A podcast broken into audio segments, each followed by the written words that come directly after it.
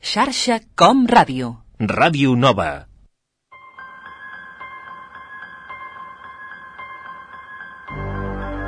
Coses que es mouen soles, veus del més enllà, aparicions, vampirs, profecies, bruixeria, ovnis... Hi ha un món misteriós per descobrir. Descobreix amb Arcanum allò que no té explicació.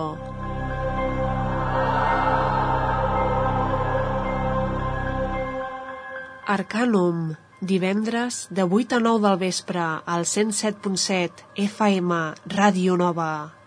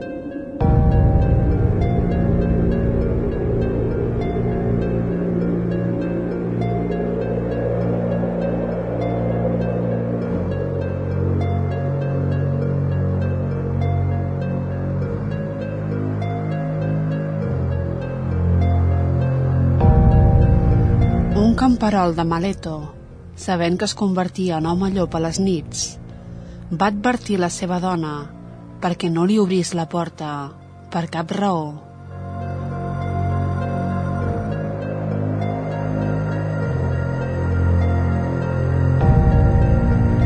Però la dona no em va fer cas i a la nit, mitja dormida, sentint la veu del seu marit a fora de la casa, li va obrir la porta.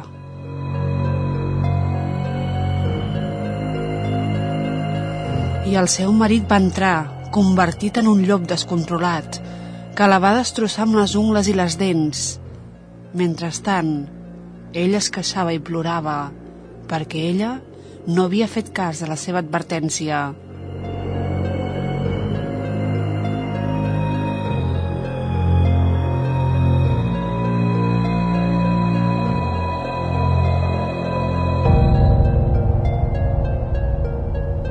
Bona nit, amics i amigues d'Arcanum. Comencem amb aquest trist conte sobre la licantropia.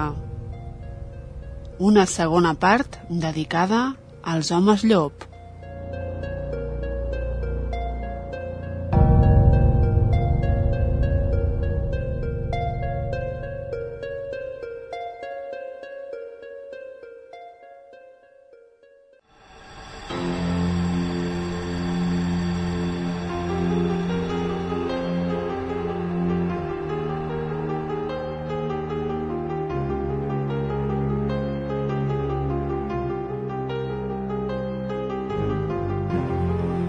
Com el tema del vampir, el licàntrop ha fet córrer rius de tinta i s'han estudiat molts casos de suposats licàntrops, històries que van més enllà de llegendes. Com vam veure recentment en un programa anterior, segons la tradició, corre el perill de ser un home llop aquell que neix setè o vuitè fill mascle d'una parella. Néixer un divendres de lluna plena, néixer la nit de Nadal, haver patit l'atac d'un llop o ser víctima d'una maledicció, entre altres creences, també poden posar-nos en perill de ser licàntrops.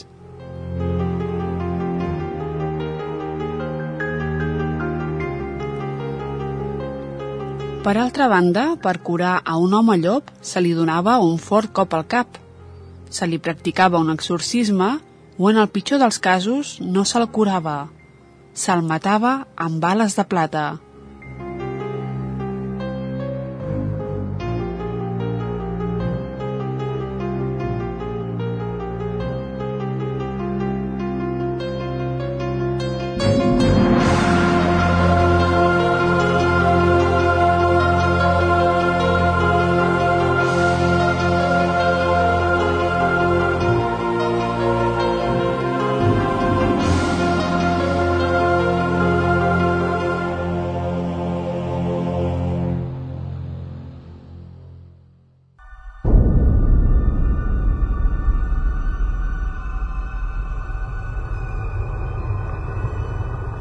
Mite de l'home llop, com hem vist en altres ocasions, és molt antic.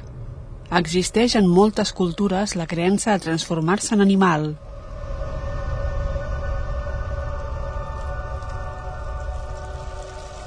A l'Àfrica, per exemple, la hiena es considera malèfica i algunes tradicions a Abissínia parlen de bruixots que es transformaven en hienes i atacaven a les persones, devorant-les i bevent-se la seva sang.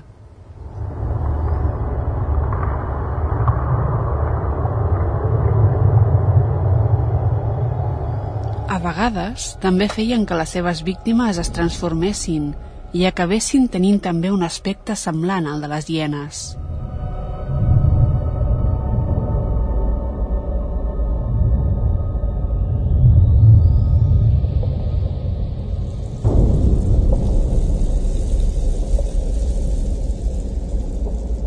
Aquests bruixots tenien un rei a prop de Bolo i li duien cadàvers cada dia com a ofrena. La transformació en animal era gràcies a una pòssima d'herbes màgiques, la recepta de la qual passava de pares a fills. Algunes tribus del Sudan també diuen poder transformar-se en hienes. I a Núbia hi havia una creença segons la qual les dones més grans d'edat es transformaven en hiena a la nit.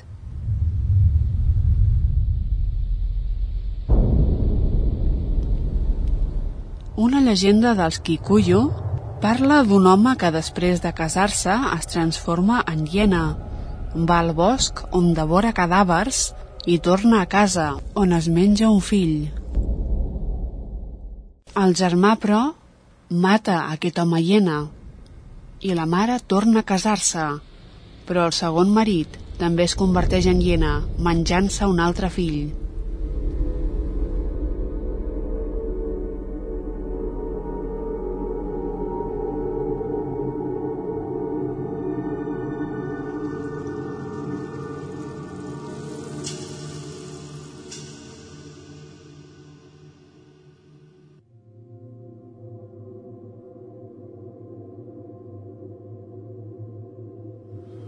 A l'Àfrica central ex-britànica es creia que un bruixot o amfiti podia transformar-se en hiena, lleopard o cocodril, desenterrar cadàvers i devorar-los.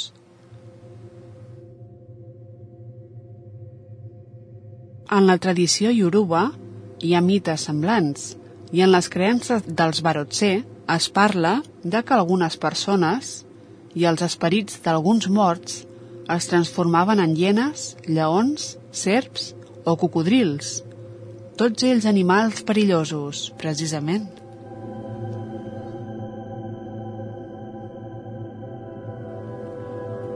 A Àsia també hi ha molts mites de transformació animal en la que destaca la guineu, l'os i el tigre.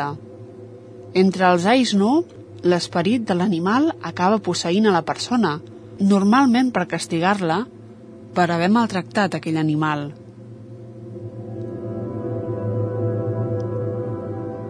Animal que a la majoria de les llegendes és un os o és una guineu.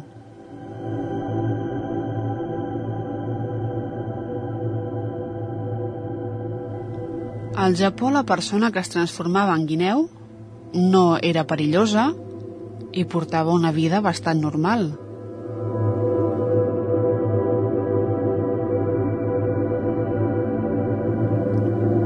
A transformar-se en tigre es considera característic d'algunes tribus. Per exemple, els lava de Birmània eren considerats homes tigre. Els xamans de la tribu entrant en estat de trànsit, els posseïa l'esperit d'un tigre i es comportaven com a tals.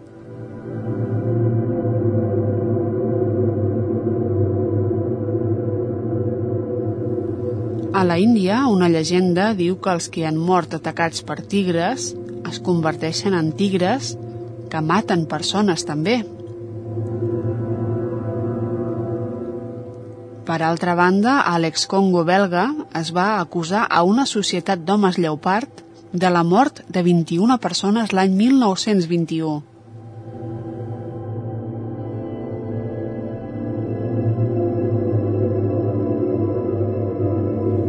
Aquesta societat està formada per persones que vestien amb pells de lleopard, duien també les seves urpes a les mans i a vegades practicaven canibalisme.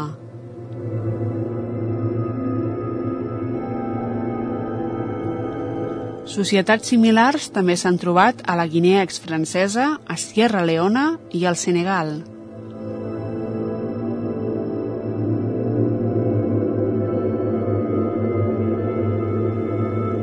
Per altra banda, a Armènia existeix el mite de dones pecadores que com a càstig un esperit les obliga a vestir-se amb pells de guineus, comportar-se com guineus i devorar els seus familiars.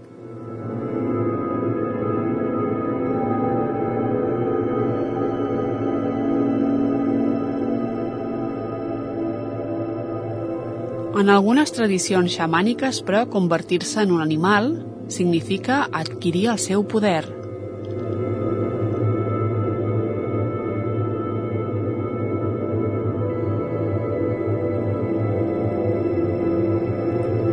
Per altra banda, els grecs antics creien que en poblacions d'Arcàdia i Tessàlia els seus habitants es podien transformar en llop.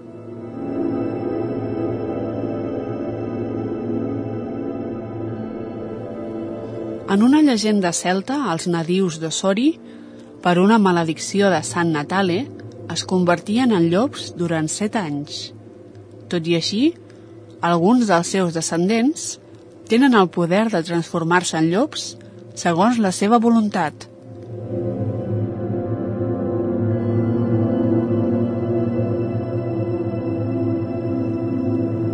Una maledicció de Sant Patrici, a una nissaga irlandesa, també va convertir algunes persones en llop.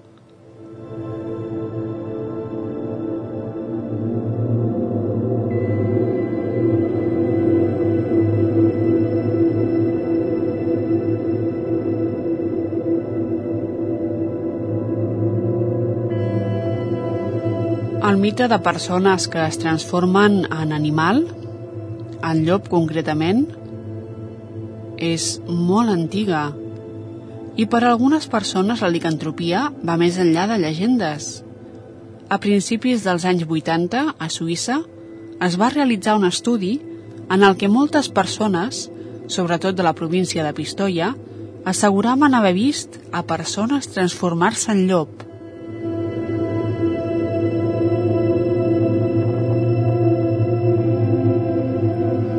Mitologia clàssica apareix també la licantropia. Es creia que qui devorava una barreja de vísceres humanes al temple de Zeus Liceu es convertia en llop. Per cert, Liceu és una paraula que fa referència a la llum i també els llops.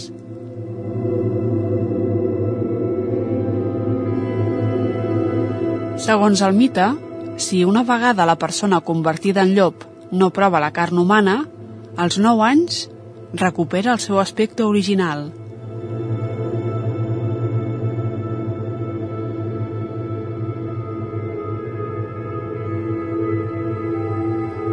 També podem recordar el mite de Teòfana.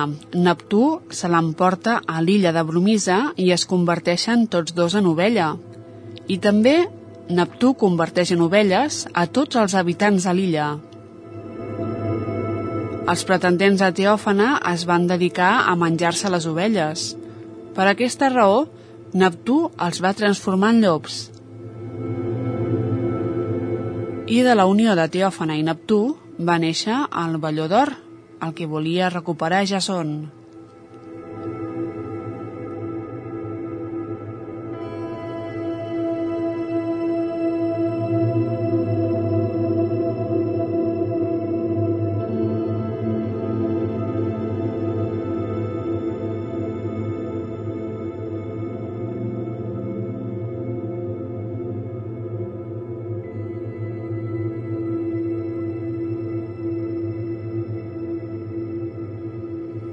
En un programa anterior dedicat a la licantropia, vam mencionar una coneguda història del satiricó de Petroni.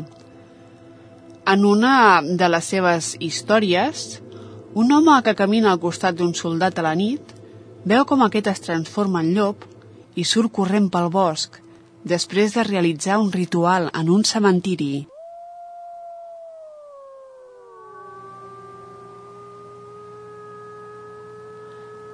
Veient el terrible succés, l'home va córrer cap a casa de la seva estimada, que li va explicar que un llop li havia matat el bestiar, fins que un criat li havia clavat una llança al coll i el llop havia fugit. L'endemà, el soldat tenia una gravíssima ferida al coll. Tenim de nou el llop com a un enemic. A l'antiga festa de les Lupercals, el 15 de febrer, es celebraven rituals per allunyar els llops i també per atreure la fecunditat. En els mites celtes, el llop també és important. Ho és en moltes històries i en citarem només unes quantes. El déu Odin es podia transformar en animal, sobretot en llop. Un grup de guerrers adoradors d'Odin es vestien amb les pells dels animals que caçaven.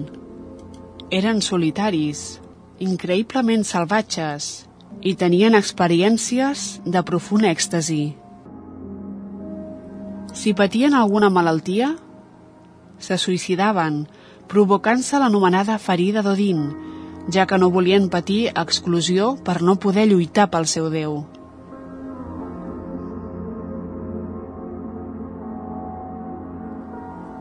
Als mites celtes, els llops també són destructors. A la fi del món celta, el llop Fenris devora a Odin i dos grans llops, Skoll i Hatiroth Vitnisson, devoren el sol i la lluna respectivament.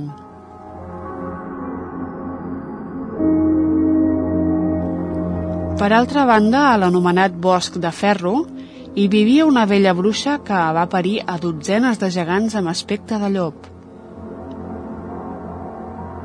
Una altra història ens explica que el riu Bam és l'espuma de la boca del llop Fenris, condemnat a estar lligat fins al Ragnarok, o al crepuscle dels déus.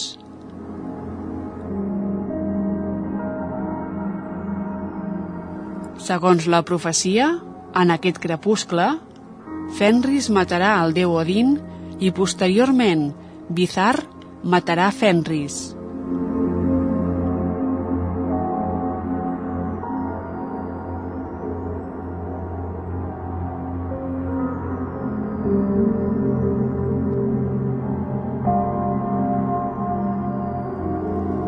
A França hi ha una gran tradició en històries de l'home llop. Existeix una creença francesa segons la qual els esperits dels difunts es transformaven en llops a la vigília del divendres sant, el primer de maig, el dia de Sant Joan, per tots sants i durant les nits que van de Nadal a la Candelària.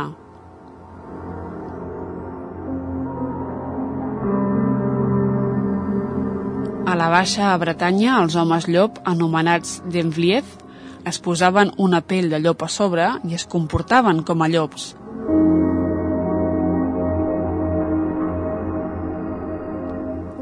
Durant el dia amagaven la pell i es comportaven com a homes normals i corrents. Segons la llegenda, tenien un vincle tan estret amb la seva pell de llop que sentien qualsevol efecte que patís aquesta pell. Per exemple, si la pell es cremava, aquest home també sentia que es cremava el seu cos, encara que estigués lluny d'aquesta pell de llop.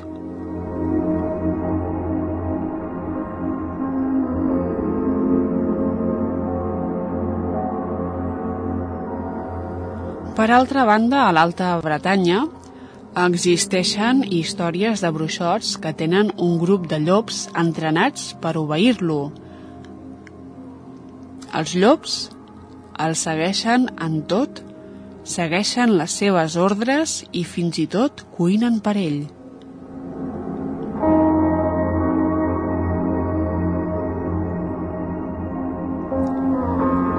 A Romania i a Hongria, els homes llop són, segons les creences, nens no batejats, fills de parelles no casades o nascuts de relacions sexuals durant Nadal o Pasqua. En fi, creences que han servit per culpabilitzar les persones de la seva sexualitat i de no seguir la corrent imposada per les institucions religioses.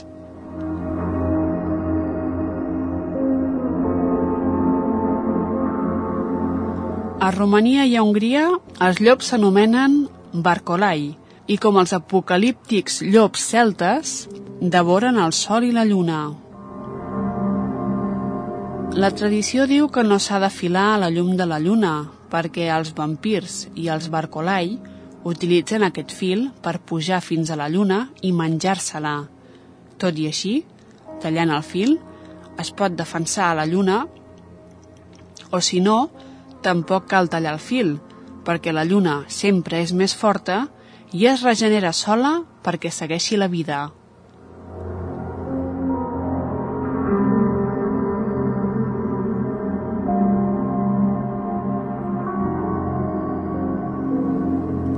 A Balcer existeix el Barcolaci, un ésser pàl·lid que devora la lluna durant l'eclipsi. Durant els eclipsis era tradició fer soroll per espantar els barcolaci i allunyar-los de la lluna. Els barcolaci no poden atacar el sol perquè aquest viatja al damunt d'un lleó que lluita contra ells.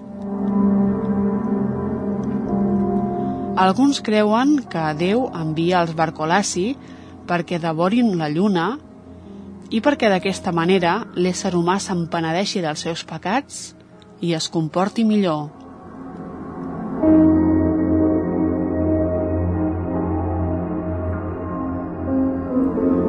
L'Església, per altra banda, va adoptar una actitud severa en el tema dels homes llop. Va negar la seva existència en un sermó de Bonifàs de Magúncia al segle VII, en el que es condemnava a qui creia en la licantropia.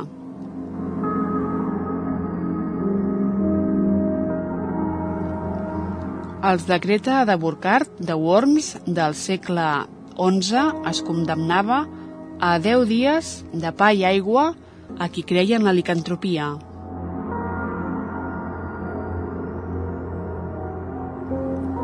Segons aquests textos, no existia la licantropia i era blasfèmia creure en transformacions sobre les quals Déu no hi tenia cap poder.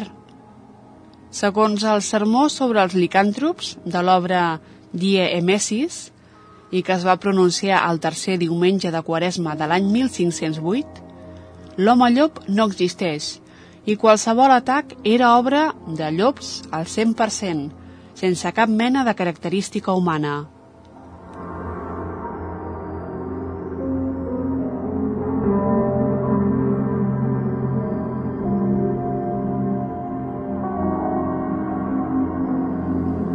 Segons Sant Agustí, no era possible la licantropia. Sí que era possible que els dimonis podien crear allò que sembla el que en realitat no és.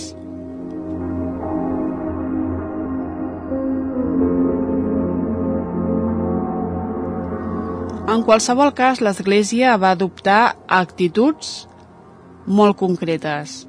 Algunes autoritats creien que no existia la licantropia i altres creien que es podien trobar casos, però que eren enganys diabòlics. En qualsevol cas, davant d'un cas de licantropia, només hi havia una solució, la mort.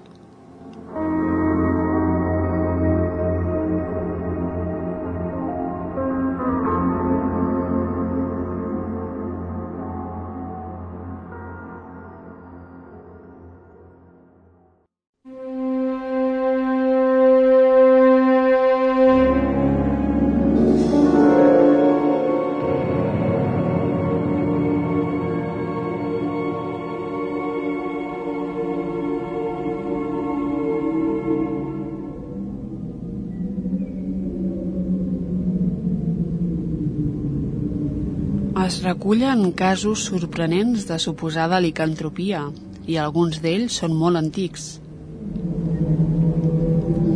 L'any 1574 es va jutjar a Gilles Garnier de Lyon, a França. Aquest individu va confessar amb tota la naturalitat del món haver assassinat quatre persones. La més gran tenia 13 anys.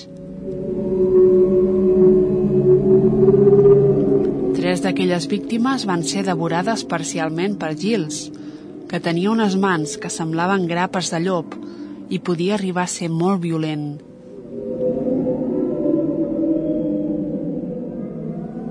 A Gilles van condemnar-lo a mort i el van cremar viu.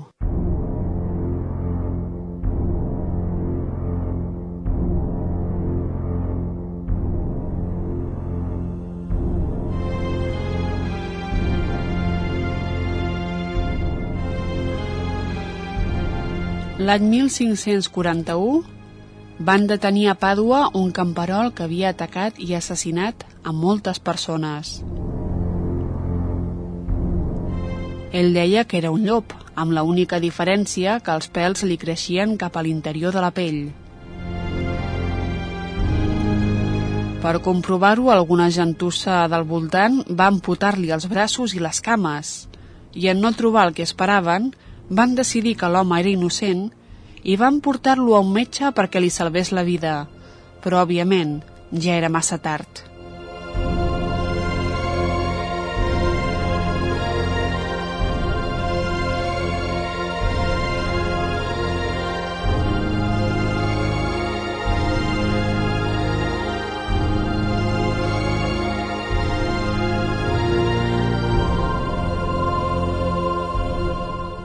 Dels processos legals de licantropia més famosos de la història es va celebrar a França, a Poligny concretament, i anava en contra dels acusats Pierre Bargot i Michel Verdung.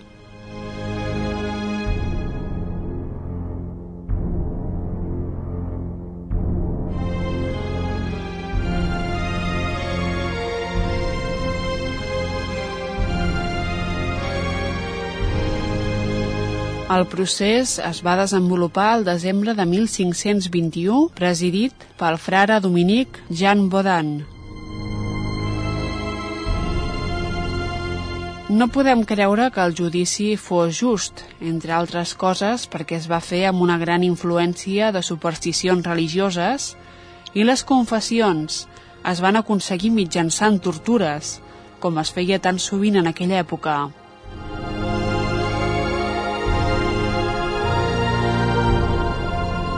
La història era veritablement sorprenent.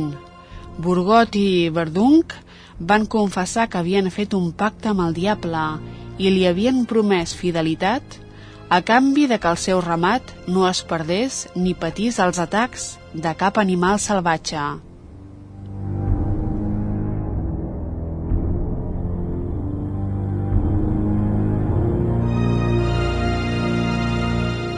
El pacte es va fer per mitjà d'un intermediari, un servidor diabòlic anomenat Moisset.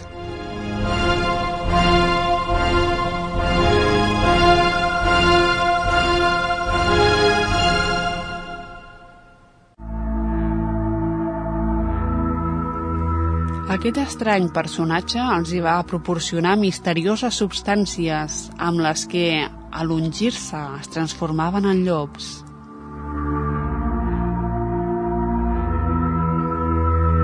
Burgot es convertia en un llop nu i Verdunk en un llop vestit. Quan es transformaven en llops, devoraven animals i persones i tenien relacions sexuals amb llobes.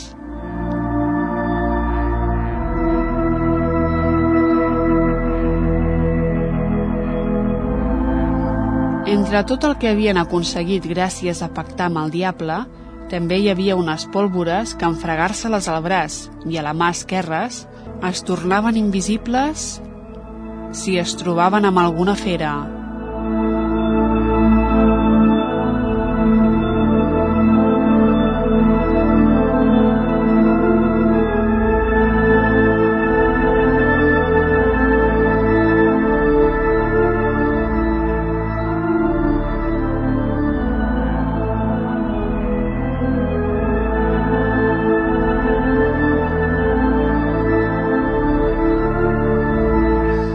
Confessions de tots dos homes es contradeien totalment i res podia provar la seva sorprenent història.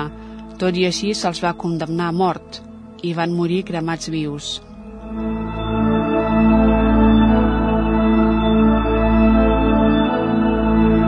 Ens podem fer una idea, doncs, de les supersticions i, sobretot, de la injustícia de l'època.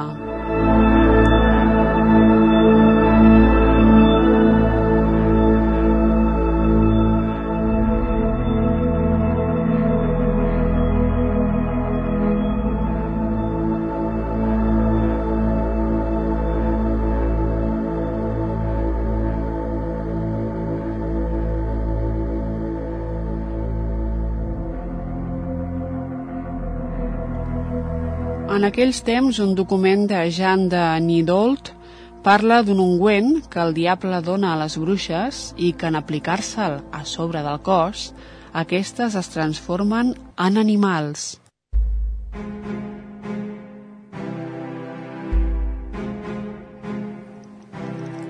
Denidolt, però, defensa la idea de que la transformació no és literal, sinó que és psicològica.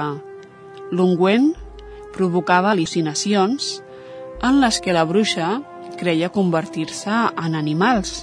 Per cert, aquests ungüents estaven formats per substàncies extretes de gripau, porc espí, llop, serp, guineu i sang humana. En el cas d'existir aquests ungüents, és clar.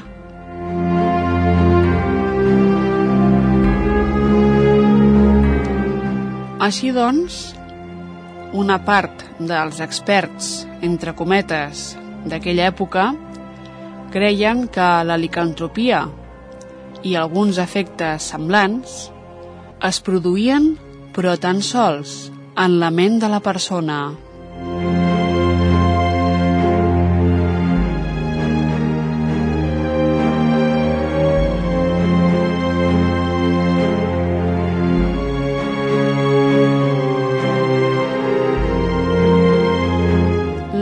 1603 es va jutjar a Jean Grenier, un nen de 14 anys que havia confessat a amics seus que es posava una pell de llop a sobre i que quan ho feia es podia transformar en llop o qualsevol altre animal.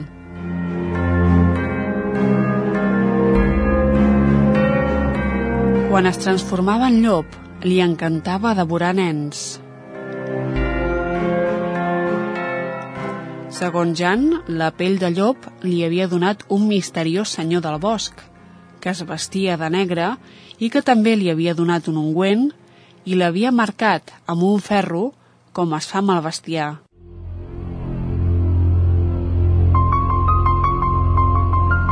Jan va confessar-ho tot al judici i el seu testimoni coincidia amb el d'amistats del seu entorn a qui els hi havia explicat que era un licàntrop.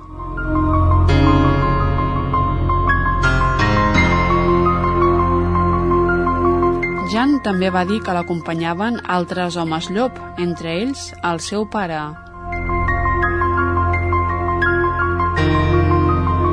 En considerar a Jan com un deficient mental, se'l va condemnar a cadena perpètua.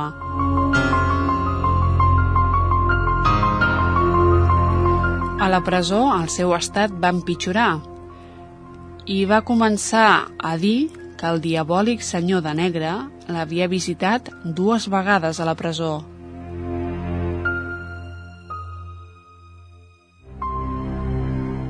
Jan va morir a l'edat de 20 anys a la presó. Va ser una vida molt curta i molt afectada per al·lucinacions i per la injustícia de l'època.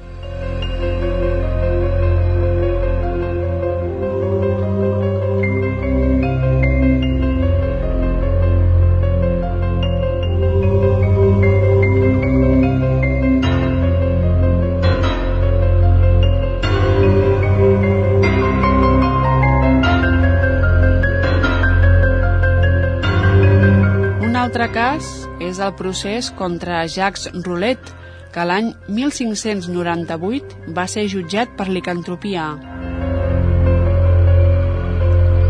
Roulet era un rodamont epilèptic i amb trastorns mentals greus.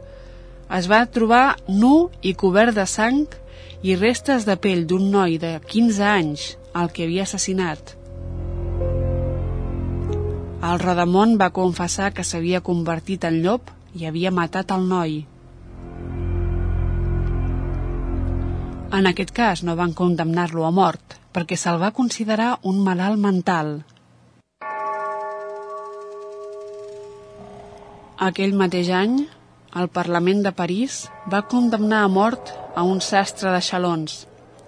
Se'l va acusar de treure a nens de la seva botiga o atacar-los quan es perdien al bosc. El sastre els devorava i, com a prova, es va trobar una capsa plena d'ossos.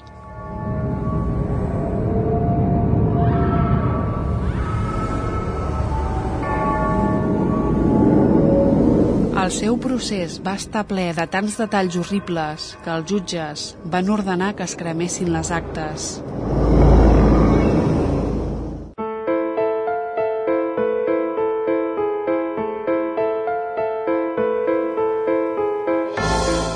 Altre mite sobre l'home llop ens diu que aquests allunyaven a les bruixes. A mitjans del segle XVI es va registrar el cas d'un home que queia inconscient i que en aquest estat creia convertir-se en llop.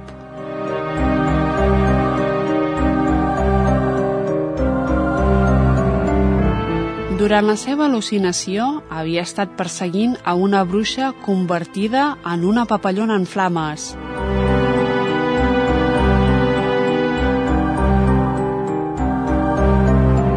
Aquesta papallona s'havia amagat a sota d'un cavall. L'home llop va intentar matar la papallona. Va utilitzar una fals per aconseguir-ho, però desgraciadament, el cop de fals va matar el cavall.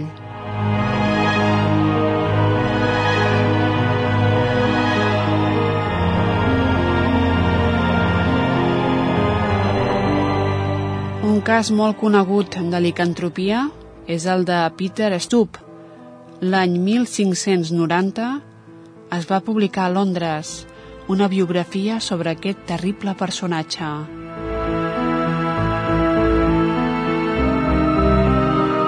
Peter Stupp va néixer a prop de Colònia, a Alemanya, i va començar a estudiar bruixeria als 12 anys.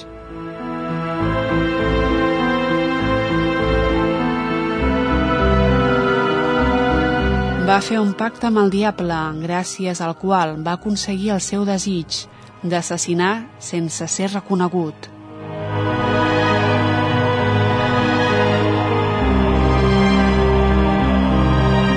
El diable li va donar un cinturó. Quan se'l posava, es transformava en un llop salvatge que podia destruir moltes víctimes. En treure's el cinturó, recuperava la seva forma humana.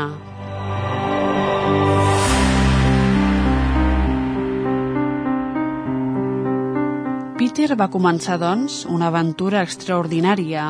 Quan algú el molestava per qualsevol raó, a la nit, Peter es convertia en llop i el matava.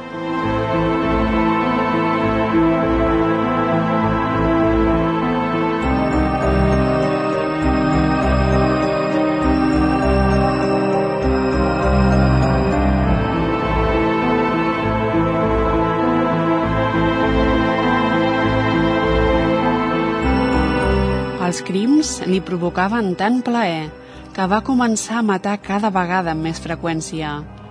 Quan no estava convertit en llop, es passejava pels carrers de Colònia, molt ben vestit i presumint de tenir una educació exquisita, i recreant-se especialment en saludar els familiars de les seves víctimes, gent que no sospitava d'ell en absolut.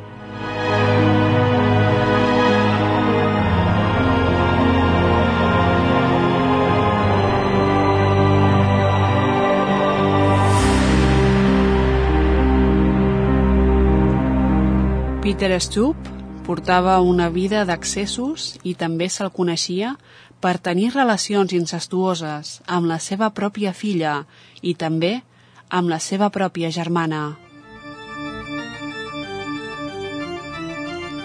El diable, però, va enviar a Peter una dona de bellesa sorprenent. Era una diablesa i Peter no se li podia resistir.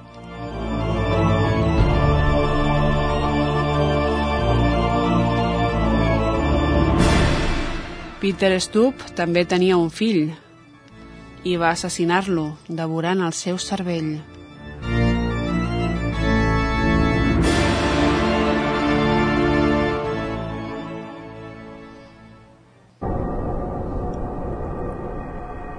Durant anys, la gent de Colònia va estar trobant restes humanes, moltes restes de cossos amb signes de violència, alguns d'aquests cossos estaven terriblement mutilats.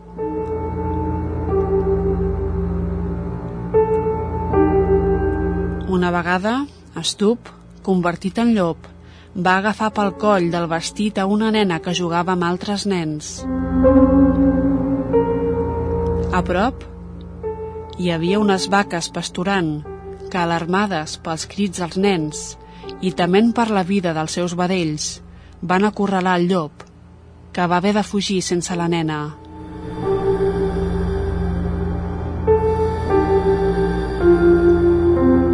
Finalment, uns caçadors van atrapar el llop i aquest, per fugir, es va treure el cinturó, convertint-se de nou en home.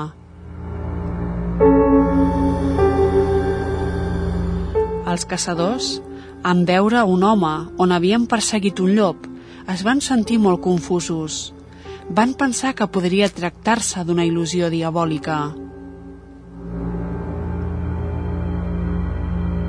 Davant d'aquella situació tan desconcertant, van anar a la casa de Peter Stoop i no van trobar-lo allà, confirmant que realment no es tractava de cap engany i que Peter Stoop era un licàntrop.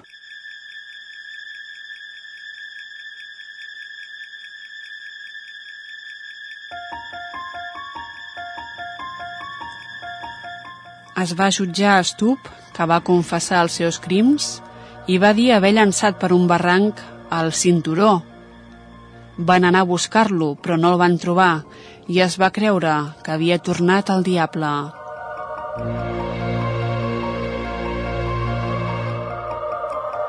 Stup va estar a la presó durant un temps i també van detenir a la seva filla i a la seva germana per còmplices.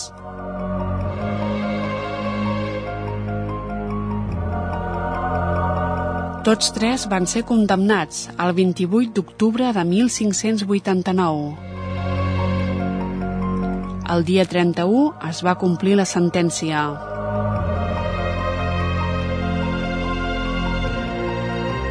Es va torturar a Stup lligant-lo a una roda i anant destruint diferents parts del seu cos.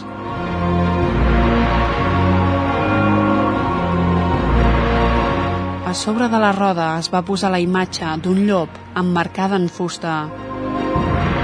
També s'hi van col·locar el cap decapitat d'estup i trossos de fusta, un per cada víctima. Es va cremar el seu cos al costat de les seves dues còmplices. I la roda amb el cap decapitat es van conservar a la vista de tothom per recordar els terribles crims i mostrar el càstig que esperava a individus com Stup.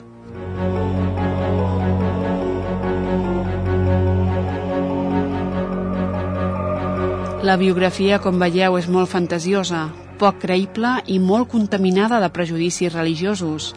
Resulta molt difícil saber fins a quin punt Stup va ser culpable dels crims i en quines condicions es van cometre realment.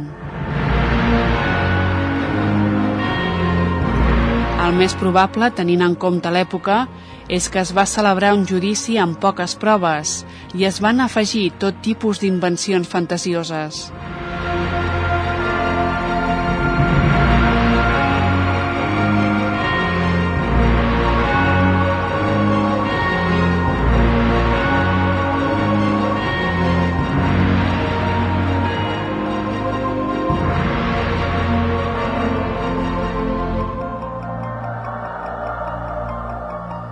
Coneguem ara un cas una mica diferent. És la història de la bèstia de Gévaudan.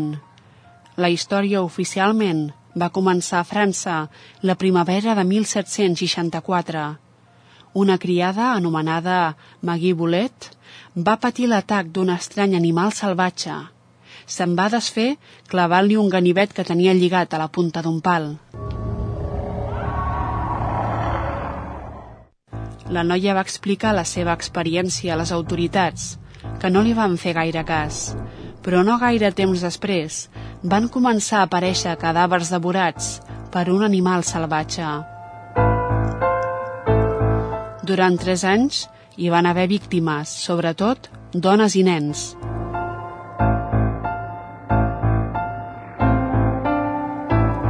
No se sabia exactament com era aquell animal, però se'l descrivia com un monstre, resultat de creuar un llop i un lleó, amb unes ungles, unes dents i una força descomunals.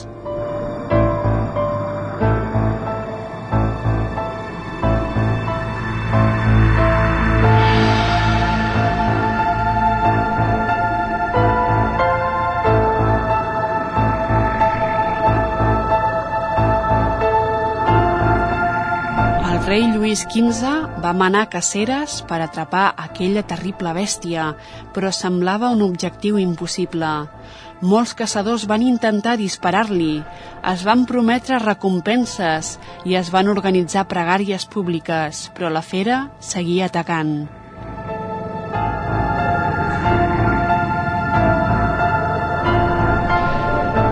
L'any 1765, Antoine Botern, amic del rei, va presumir d'haver caçat a la bèstia monstruosa, bèstia que era una lloba molt més grossa del que és normal i que patia estranyes deformitats.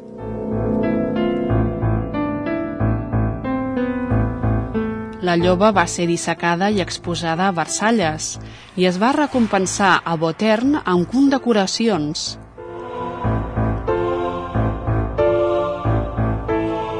Durant una temporada semblava que tot havia acabat, però al març de 1766 van tornar a aparèixer noves víctimes. Tot havia estat un frau i la fera seguia matant.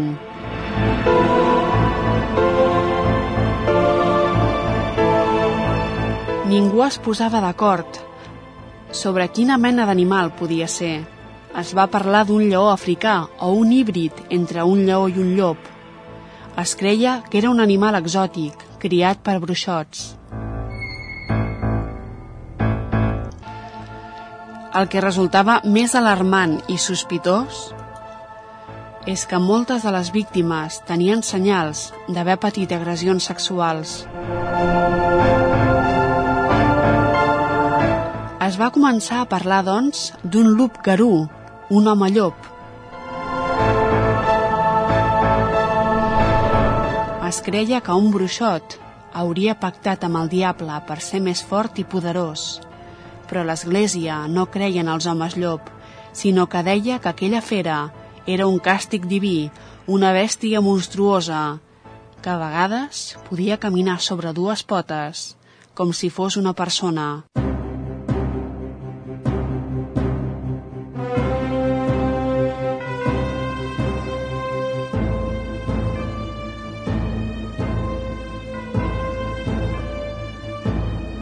També va començar a parlar-se d'algú que podria haver ensenyat a una bèstia a caçar víctimes i així aprofitar-se'n, poder-ne abusar sexualment o també agredir aquestes persones i després deixar que la bèstia les devorés per evitar sospites.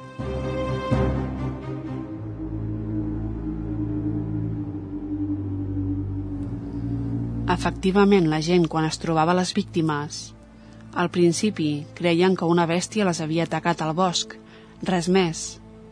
Però les agressions sexuals eren evidents i va començar a haver-hi molta més sospita que mai. Semblava que els plans no havien sortit tan bé.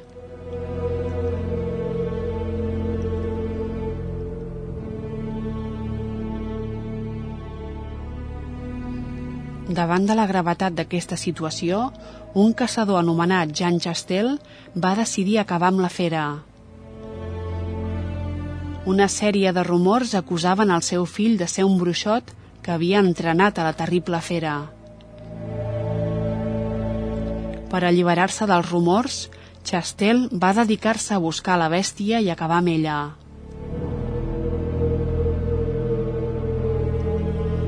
Per aconseguir-ho, va fer fondre unes medalles de la verge per fabricar una bala de plata, preparant-se com si s'hagués d'enfrontar a un home llop.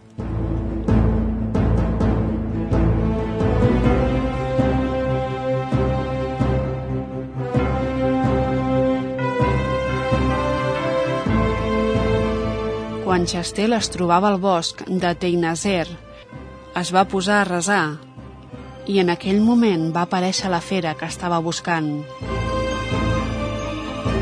Sense dubtar-ho, va disparar-li i la va matar al mateix moment.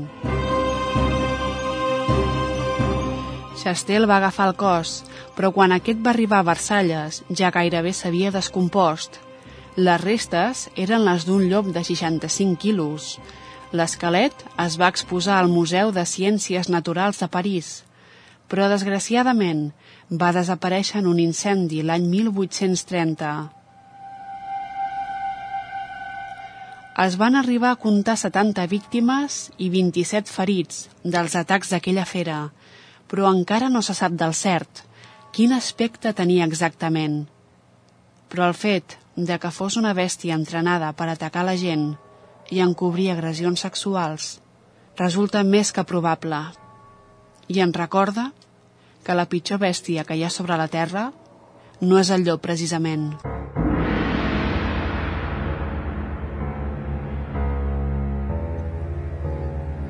En fi, homes que es transformen en llop, bruixes que al·lucinen, gent que es torna boja i criminals que entrenen a feres per poder encobrir els seus crims. Històries que realment ens sorprenen i que han arribat fins avui dia. La licantropia seguirà sent un tema molt interessant i les generacions futures, sense cap mena de dubte, també en parlaran.